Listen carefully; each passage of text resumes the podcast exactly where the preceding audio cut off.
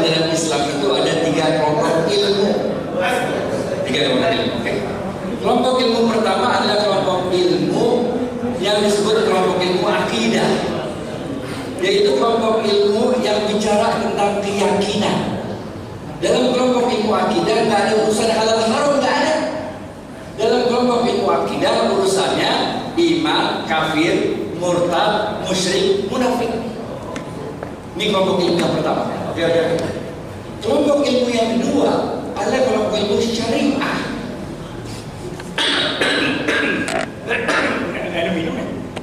Ya? Kelompok ilmu kedua adalah kelompok ilmu syariah. Di dalam kelompok ilmu syariah itu nggak ada urusan percaya apa percaya. ada yang urusannya wajib haram sunnah makruh halal atau mubah? Paham paham paham jadi kelompok ilmu syariah ini nggak peduli dia percaya nggak percaya nggak peduli. Pokoknya begitu aja lah sama kayak ente naik motor pakai helm. Paham paham? Ente percaya kalau naik motor pakai helm kalau jatuh kepalanya nggak bakal macam. terserah percaya nggak percaya yang penting pakai naik motor pakai helm wajib hukum. Ngerti kan ngerti kan terserah lu percaya apa ketiga, ketiga, ketiga. Ini kelompok ilmu yang kedua, namanya kelompok ilmu syariah. Kelompok ilmu yang ketiga adalah kelompok ilmu yang disebut sebagai akhlak. Dalam kelompok ini nggak dikenal percaya nggak percaya, nggak dikenal halal haram nggak dikenal. Yang dikenalnya ihsan wa ahsan. Bagaimana cara yang baik dan cara yang lebih baik? Pamer, ya, pamer, ya, pamer. Masih ikutin ya, masih ikutin ya. Masih aziende. Se può cambiare proprio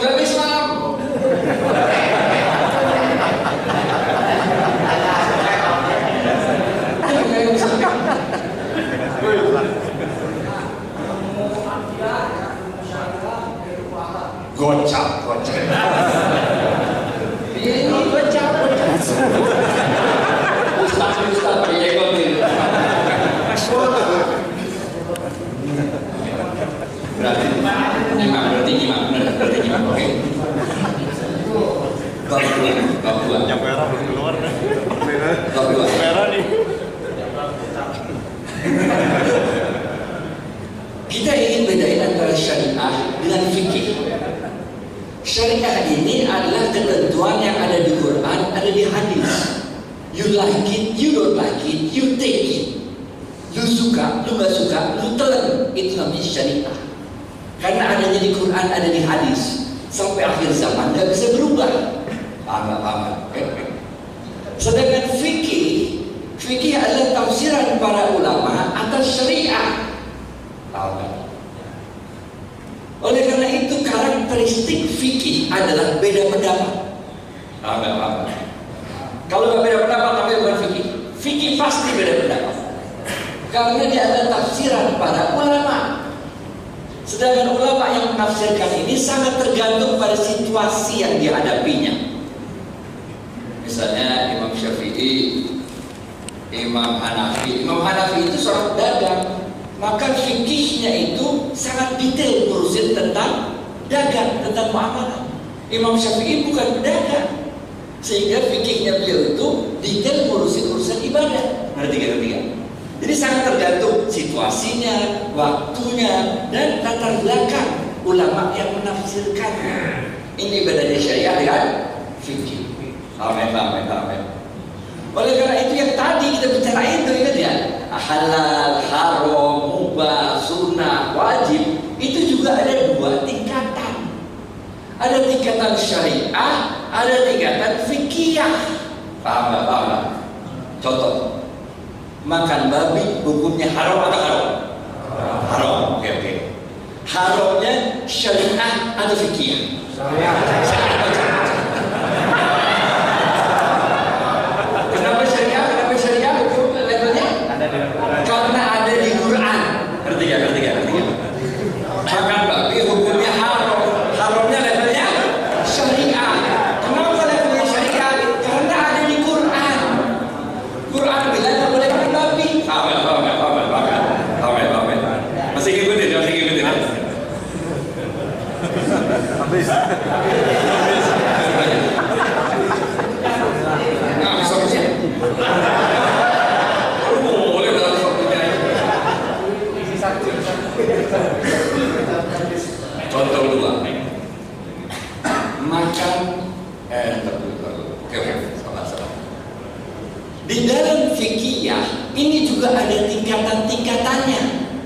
Tadi kita bicara tingkatan syariah dan tingkatan fikih. Ada haram syariah, ada haram fikih. Ada wajib syariah, ada wajib fikih. Ada sunnah syariah, ada sunnah fikih. Nggak? Oke. Makan babi, hukumnya haram, haramnya levelnya syariah. Kenapa syariah? Ada di Quran. Paham ya, paham ya, paham ya. Sekarang, di dalam fikih ini juga ada tingkatan-tingkatannya. Tingkatan yang pertama adalah kesepakatan seluruh ulama. Yang disebut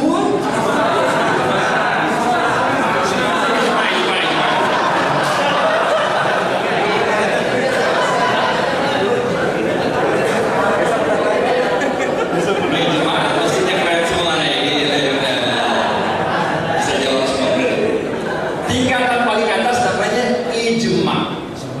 Salah. Memang fikih, memang fikih di bawah syariah, di bawah syariah, tapi dia ijma. Ngerti gak? Seluruh ulama sepakat. Itu sebabnya di zaman Sayyidina Umar bin Khattab ketika Sayyidina Abu Bakar meninggal dunia dalam waktu yang singkat kemudian digantikan oleh Sayyidina Umar bin Khattab.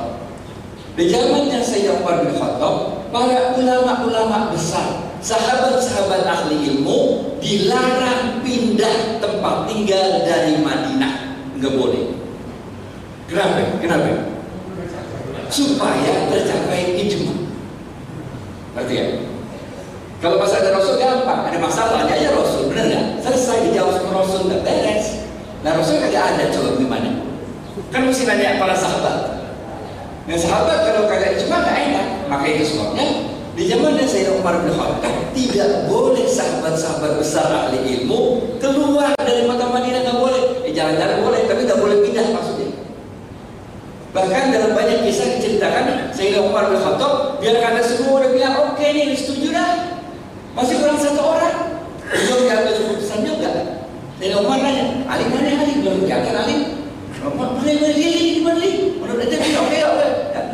Untuk mencapai ijma. Paham nggak? Paham? Paham? Makan daging anjing haram apa haram? Level haramnya level apa?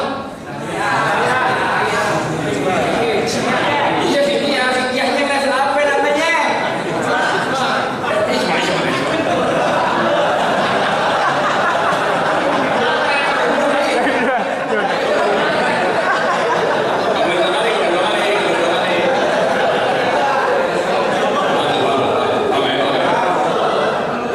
Jadi dia haram tapi levelnya level fikih Di Quran nggak ketemu cari aja di Quran cari ada. Di hadis nggak ketemu haram makan daging anjing nggak ketemu. Karena anjing menurut budaya Arab bukan makanan, ngerti nggak? Bukan. Anjing itu adalah teman untuk jagain kambing, jagain hewan ternak, benar nggak? Jadi anjing itu bukan makanan. Nggak ada, nggak ada. Di Quran di hadis lu cari aja kalau ada. Makan anjing haram nggak ada bukan makanan sama juga kayak di Quran ya ada dilarang makan eh, sepatu nah ada nggak ada nggak? nggak ada karena sepatu bukan makanan Tahu nggak? Tahu nggak? Tahu nggak? masih nyambung masih nyambung masih nyambung kan? lanjut di bawah ijma Oke. di bawah ijma ada lagi kesepakatan mayoritas ulama walaupun ada yang tidak setuju Yes, yes. Kesepakatan mayoritas ulama ini disebut terdiri dari dua kata. Kata pertama dimulai dengan J kata kedua dimulai dengan U. Jumhur ulama. berapa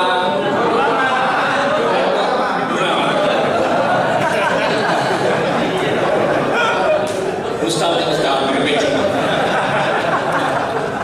Rame, rame, rame. Rame, rame. Ini levelnya lebih rendah. Karena tidak seluruhnya setuju.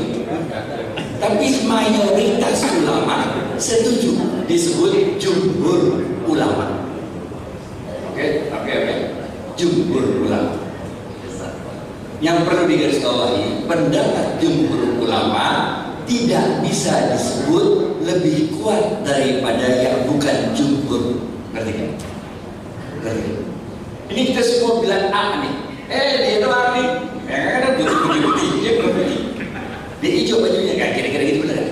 Yang lain semua bilang setuju nih, satu orang aja bilang nggak setuju. Pendapat yang banyak ini yang jumhur itu tidak bisa dikatakan lebih kuat daripada pendapat yang satu orang itu. Paham, paham. Untuk soal ijtihad itu istihad yang satu tidak bisa mengalahkan istihad yang lain. Ngerti, ngerti? Oke, paham ya, ya.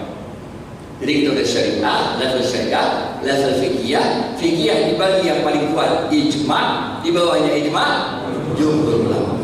Oke. Jumhur ulama itu kalau di Indonesia kali MUI lah kira-kira. Kan ada juga sebagian ulama yang pendapatnya berbeda dari MUI. Jadi MUI menjadi jumhur ulamanya kira-kira. Tapi kalau yang MUI punya merepresentasikan seluruhnya, ah, disebut ijma lah karena semua organisasi Islam diikutkan di MUI eh, jadi namanya ijma jumhur ulama. Ada yang lebih bawah lagi. Oke? Yang namanya dia ini bukan mayoritas. Kalau jumhur kan mayoritas. Dia enggak dia sekelompok ulama sebagian ulama setuju sebagian lagi enggak yang satu tidak lebih mayoritas daripada yang lain. Nah, namanya adalah Google, Google, Google. namanya adalah terdiri dari dua kata. Kata pertama diawali dengan kata-kata i, kata kedua diawali dengan kata-kata j. Istilah apa?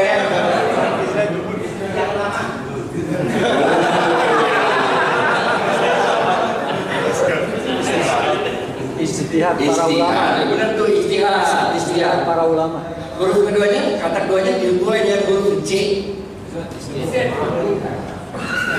Biar berganda, biar berganda, biar berganda. A. Ijtihad jama'i. B.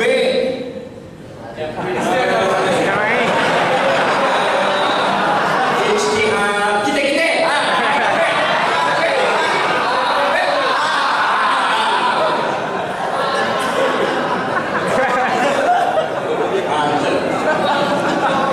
Jamaahnya keren banget. Luar biasa. Jamaahnya keren, jamaahnya keren. Yang namanya ijtihad jama'i yaitu kesepakatan sekelompok ulama. Contohnya apa? Eh, makan daging babi haram apa haram? Haram. Level haramnya? Syariat. Jual beli daging babi haram apa haram? Haram. Haram. Levelnya? Fikih betul. Fikihnya mana? Ijtihad jama'i. Ngerti ya? Ngerti ya? Belum, belum kembali. Ngerti ya? Ngerti ya? Ngerti ya? Buat kita orang Indonesia yang mayoritas Islam, kalau ente jualan daging babi di Indonesia, kita bilang ente ngapain kayak gak ada kagak ada kerjaan lain aja bener nggak? Ngapain kayak yang lain kayak jualan aqua kayak ngapain jualan daging babi di Indonesia bener nggak bener? Tidak. Tapi bayangkan kalau kita orang Indonesia yang di dari dulu sampai sekarang profesinya adalah tukang jual daging. Dan jangan di Indonesia deh. Misalnya ente orang Suriah, benar nggak? Kerjaannya profesinya jual daging. Karena ada perang di Suriah, ente mengungsi ke mana kayak gitu? Finlandia misalnya. Oke. Yang di Finlandia itu orang makannya dagingnya daging babi semua. Ayam ada, ayam ayam dimakan ada ayam ayam Finlandia dia kata ayam kira-kira gimana? Nah dalam keadaan seperti itu karena di sekelilingnya orang non muslim semua dan profesi dia yang bisanya cuma jadi tukang daging doang maka menjual daging babi dalam situasi seperti itu menjadi boleh. Ngerti nggak? Ngerti ngerti nggak? ini yang disebut dengan ijtihad jama'i. Paham nggak? Paham? Masih ngikutin masih ngikutin. Ya?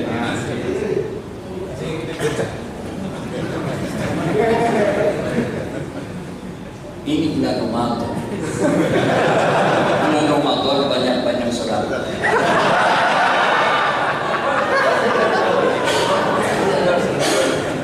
Nggak ada bulan yang kayak gini nggak ada. Nggak ada. Ente punya duit, ya berapa kayak duit? Pokoknya ntar mau deket maghrib, lu beliin makanan orang untuk buka puasa. Amin. Karena di bulan Ramadan ini siapa-siapa yang memberikan makanan orang untuk berbuka puasa, maka maka dia dapat pahala sebagaimana orang yang berpuasa. Kalau dia punya duit banyak dikit, hari pertama aja ente bikin aja 30 box bener nggak? Kirim ke masjid.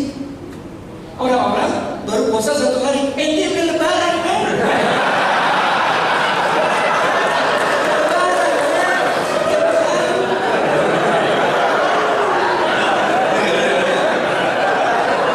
Keren ya, keren ya.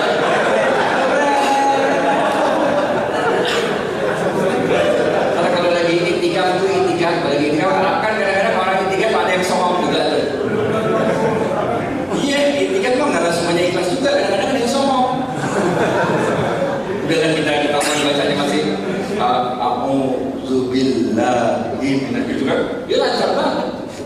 Sudah alhamdulillah ini saya udah dua kali khatam insya Allah dan benar maghrib khatam yang ketiga.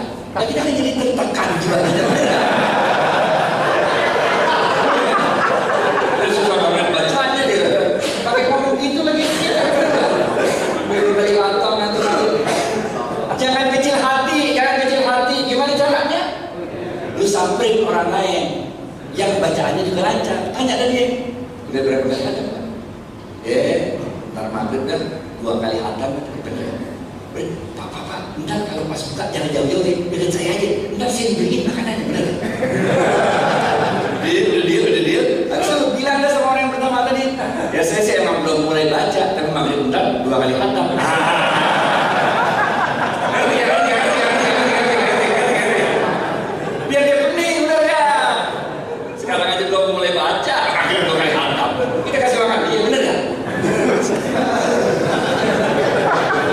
Puasa juga pakai strategi men. Puasa kalau pakai strategi repot. Ini saya zaman zaman saya kerja jadi pegawai kayak gini dulu. Ya Allah itu anak buah pak. Nah, biasanya jam satu udah balik ke kantor, jam dua baru balik.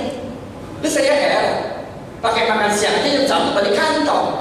Puasa ya ada makan siangnya, jam dua balik kantor. Dan saya tanyain, ente ngapain lama banget? Ini kan gak ada makan siang.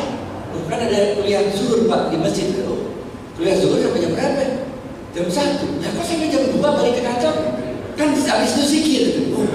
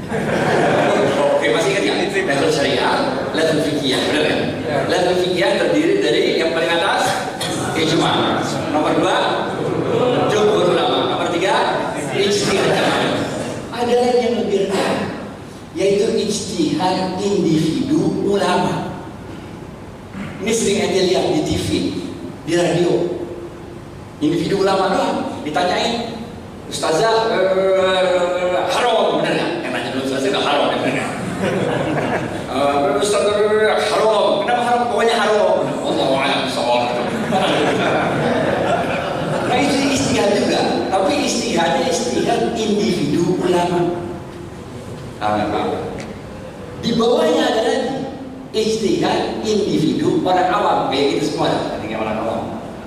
Misalnya ada jalan-jalan ke mana kayak gitu, ini BMKG, BMKG, BMKG, BMKG itu itu gak sih supaya jalan-jalan di laut bingung gitu gak sih?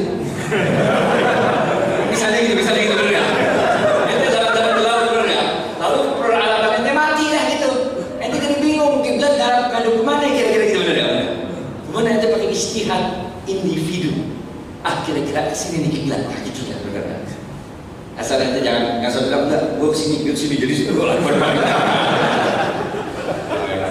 itu namanya istihad individu orang awam.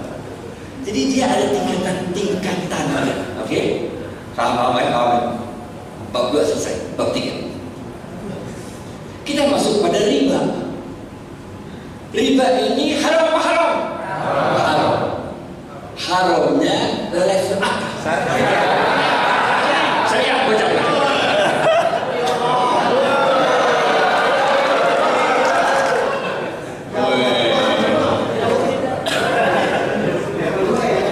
duduk belakang aja bisa saja. Haram. Riba itu haramnya haram syariah. Kenapa? Karena ada di Quran. Riba ada tiga jenis. Nah, ini mulai susah dikit, mulai susah dikit aja. Soalnya nanti gak ngerti nggak mau juga dah. Di UI ini satu semester ini kan, singkat ini makanya kalau apa. Riba jenis pertama adalah riba yang timbul akibat pinjam meminjam. Rumusnya dalam Islam, rumusnya dalam Islam. Kalau ente minjemin duit 50 ribu, maka dibagi menjadi dua. Posisi ente yang minjemin duit atau yang dipinjemin duit. Anda itu sebagai lender atau sebagai borrower. Kalau Anda itu sebagai lender, orang yang meminjamkan duit, tiga hal haram. Oke, yang pertama haram. Tidak boleh kita itu minjemin duit 50 ribu, minta bayar 100 ribu, haram. Ini yang pertama. Eh, nggak boleh pinjemin duit 50 ribu, minta bayarnya dilebihin, nggak boleh haram. Yang kedua, minjemin 50 ribu, dia nggak ngomong, dia nggak minta pindah, dia diem aja, diem aja. Tapi yang dipinjemin ngomong, Pak Hadi, makasih banyak ya. Entar saya lunasin cepet, haram juga. Ngerti gak? Ngerti gak? Yang pertama dia yang minta, yang kedua dia kagak minta. Tapi yang dipinjemin duit janjiin bayar lebih, haram juga. Oke oke, masih ngerti ya?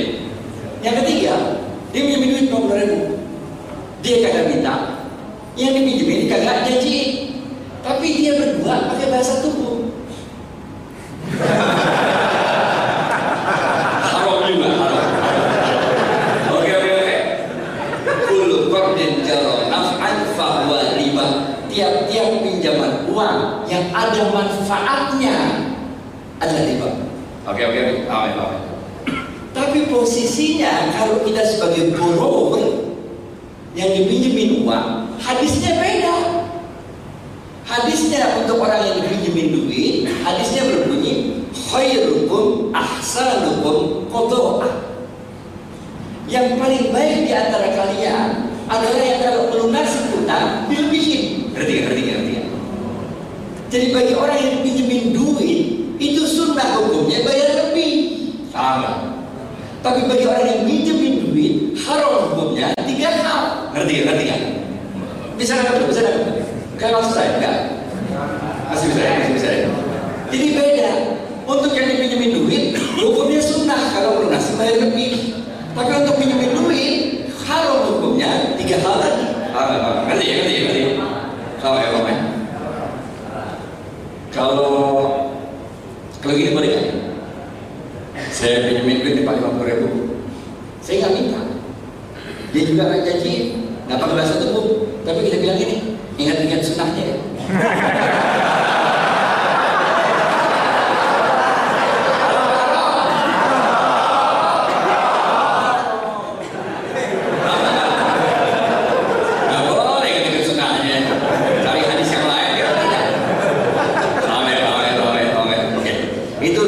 jenis pertama. Riba jenis pertama ini di dalam dunia kontemporer muncul dalam bentuk bunga kredit, muncul dalam bentuk bunga simpanan. Oke, oke, oke, siap ya, selesai, selesai. Riba jenis kedua. Riba jenis kedua itu muncul akibat pertukaran. Pertukaran barang yang sejenis tapi tidak memenuhi tiga kriteria. Rasul mengatakan kalau pertukaran barang sejenis harus memenuhi tiga kriteria.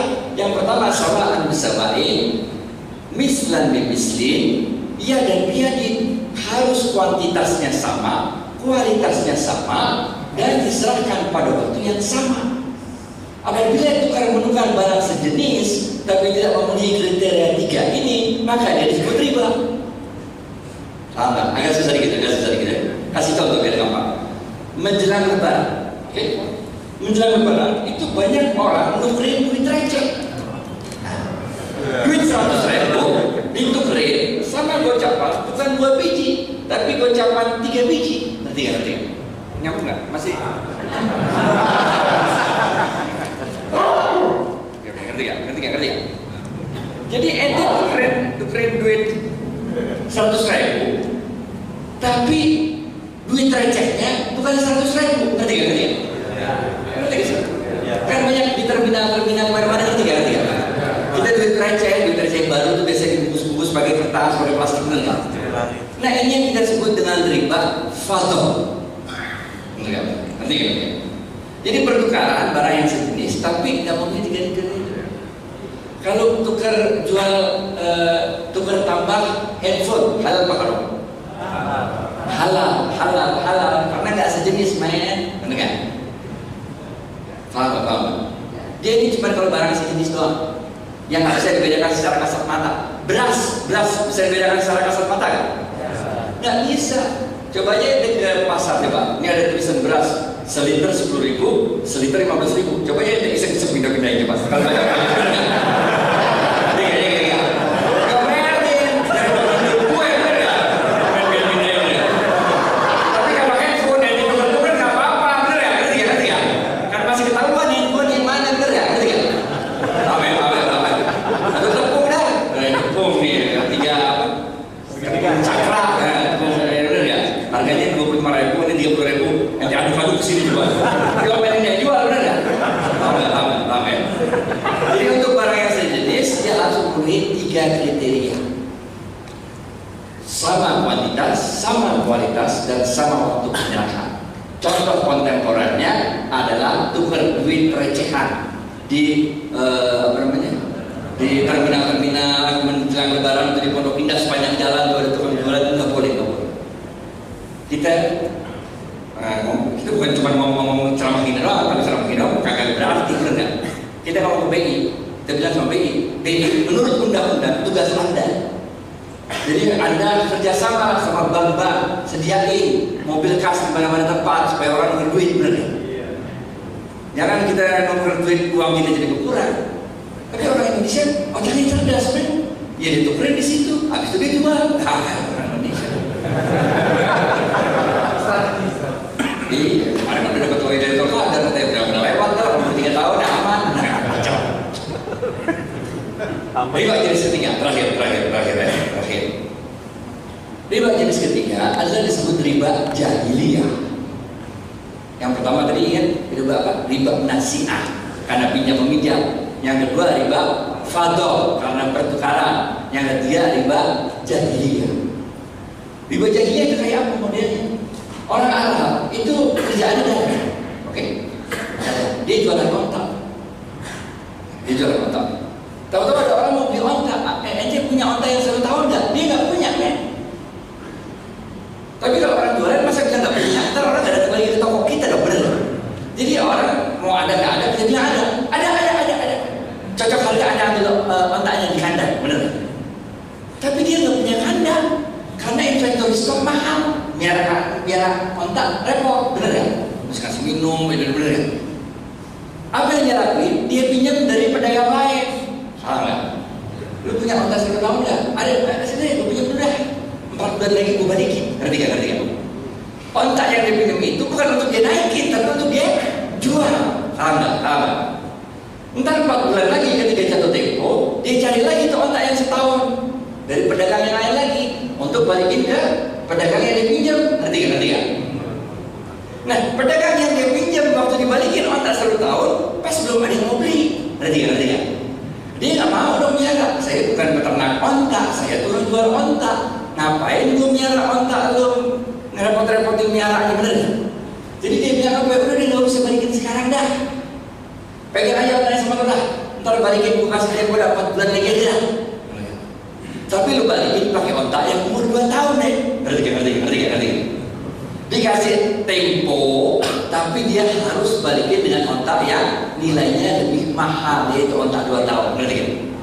Ini yang namanya riba jahiliyah. Paham nggak? Paham nggak? Paham nggak? Masih penting. Jadi ente belum mesti jatuh tempo bayarnya. Dikasih kasih kelonggaran bayar lagi. Udah ntar aja bayarnya.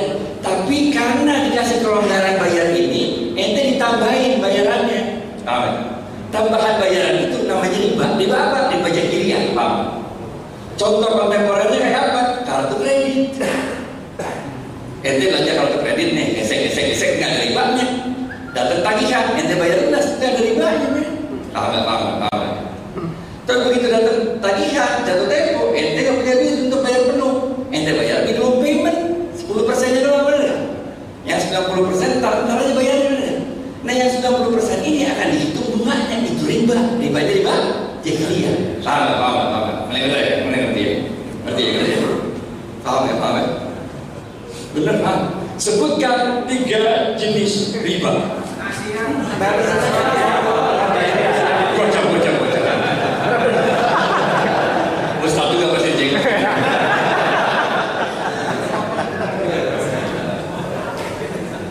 Sama ya, sama ya, sama ya, sama ya. Jelas ya, jelas ya. Bab tiga terakhir, terakhir, bab tiga. Bab tiga terakhir. Bab tiga. Dalam perkembangannya, tiga jenis riba ini mempunyai bentuk yang berubah-ubah. Zaman, dia menjadi bentuknya macam-macam. Nah, oleh karena itu, karena berubah-ubah terus, kita tidak boleh terlalu cepat mengambil kesimpulan sesuatu itu halal atau haram. Kalau kami di Dewan Syariah Nasional MUI itu untuk buat satu fatwa minimal dua bulan. Anggota kita di pleno di BPH desa itu ada 40 orang. 40 orang ini dengan keilmuan yang berbeda-beda, dengan spesialisasi yang berbeda-beda. Saya sama Pak Deci, kita sama-sama IPB, ahli pertanian. Tapi keahlian berbeda. Saya ahlinya sosial ekonomi pertanian, beliau kehutanan di usaha betul betul konservasi hutan. beda. Jadi di, di kalangan para ahli pertanian pun kita punya bidang-bidang yang sangat spesifik. Sama kayak dokter, benar? Ada dokter gigi, ada dokter jantung, dokter mata. Apa dokter mata bisa ditanya tentang jantung? Bisa, tapi pengetahuannya sekedar dokter umum. Ngerti nggak? Ngerti? Ngerti? Ngerti nggak? Oke, oke. Itu sebabnya di MUI itu 40 orang itu macam-macam. Di bidang syariah aja itu ada orang ahli syariah, dokter bidang syariah, ada ahli usul fikih, ada ahli qawaid fikih, ada ahli uh, fikih muamalat maliyah. Spesifik. Hadis ada ada ahli hadis untuk latarnya, ada ahli untuk sanadnya, ada ahli untuk asbabul wurud ini, macam-macam. Termasuk orang kayak saya. Saya ini bidang keahliannya ekonomi syariah, bukan ahli fikih. Eh, saya menjadi penjembatan dari ahli-ahli fikih, dari ahli-ahli syariah dengan dunia industri. Jadi rapatnya lama. Dan ketika mengambil fatwa itu memutusin fatwa itu paling tidak melibatkan lima pihak. Pertama Bank Indonesia, kedua OJK, ketiga Mahkamah Agung, keempat IAI Ikatan Akuntan Indonesia dan kelima meminta fatwa itu sendiri. Ini yang namanya tasawur. Eh, aspek pertama kita harus ahli syariahnya. Aspek kedua harus melakukan penelitian yang mendalam terhadap barang yang akan kita fatwakan. Paham Pak? Nggak bisa penelitian itu pakai website, nggak bisa penelitian itu pakai flyer, pakai booklet, atau cuma wawancara dengan salah seorang karyawan atau bahkan mantan karyawan. Nggak bisa. nggak cukup ilmu tasawurnya, ilmu penelitiannya nggak cukup. Paham? Oleh karena itu kita kan ada nanti ada tanya jawab, kita nggak mau tanya jawab. Nah, berarti itu. Karena saya bukan ahli syariah. Ente nanya kalau ente nanya karena satu kok gampang jawabnya bener kan? Kalau nanya yang aneh-aneh yang aneh belum buat penelitiannya nggak bisa jawab, bener kan? Ya? So jadi bab tiga kita tidak bisa terlalu cepat untuk mengatakan sesuatu itu haram atau sesuatu itu halal. Halal. Harus kita teliti dulu. Setelah kita teliti, kita libatkan orang yang mengerti di bidangnya masing-masing, baru kita ambil kesimpulan. Paham ya, paham ya? Paham ya? Misalnya, misalnya, kita nggak bisa ketika lagi begini, lagi di masjid, itu saya nanya, gope halal apa haram? Lalu dengan seketika saya jawab haram, nggak bisa. Karena kita harus melakukan penelitian terlebih dahulu. Paham, ngerti kan? Petrek halal haram, nggak bisa haram itu nggak bisa. Harus kita lakukan penelitian terlebih dahulu, termasuk konfirmasi kepada pihak yang punya produk. Paham, paham, paham. Harus dicek dulu semuanya. Udah rapi semua dicek baru ambil kesimpulan. Paham? Termasuk orang yang punya produk harus nanya benar nggak kayak gini, benar nggak kayak gini, benar nggak kayak gini, ngerti? Ngerti kan? Paham ya. Gojek dan GoPay adalah dua perusahaan yang berbeda. PT-nya beda, pemegang saham beda, manajemen beda. Paham, paham, paham. Kasih duitnya ke GoPay, yang ngasih diskon Gojek. Paham, paham. Belum ngerti agak susah dikit aja. Kasih nama, kasih nama. Saya namanya Adi Warman, oke? Saya punya adik misalnya, namanya Edi Warman. Saya Adi Warman, Edi Warman. Oke, oke, oke, oke. Pak, Pak siapa itu ada namanya, ada namanya ada nggak ya? Pak ini nih Pak Budi misalnya namanya. Budi anggap aja Budi namanya. Pak Budi nitipin duitnya ke saya, bener nggak? Berarti saya pinjam duit dari Pak Budi. Nggak? Paham ya? Paham ya? Kemudian Pak Budi belanja di tokonya Pak Edi. Pak Edi ngasih diskon. Riba enggak? Riba apa enggak? Enggak lah. Karena Adi dan Edi adalah dua orang yang berbeda. Ngerti nggak? Ngerti? Ngerti? Kecuali kalau dia nitip duitnya ke Adi, yang ngasih diskon Adi. Nah, ngerti nggak? Jadi haram, jadi riba. Karena saya dipinjemin duit, lalu saya memberikan manfaat kepada beliau dengan cara memberikan diskon. Paham. Tapi kalau dia nitipnya ke Adi Warman, berarti pinjam Adi Warman, benar nggak? Tapi dia belanjanya ke Edi, Edi ngasih diskon. Di mana letak bukanlah Adi, Adi bukanlah Edi. Paham, paham, paham, paham. Ngerti, ngerti, ngerti. Ya kalau nggak ngerti nggak tahu, ini susah.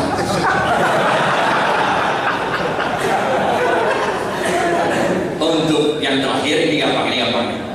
Jadi tiga bab sudah selesai, oke? Nah, karena kalau saya terusin lagi yang susah, nanti kelihatannya udah kagak. Emang susah. Yang terakhir, ya. ini gampang, ini gampang, ini gampang. Inilah bulan yang ajaib, inilah bulan yang luar biasa. Karena di bulan ini pintu-pintu sorga di pintu-pintu neraka di dan setan-setan di setan di setan diapain pak? Jadi kamu sini. Aduh.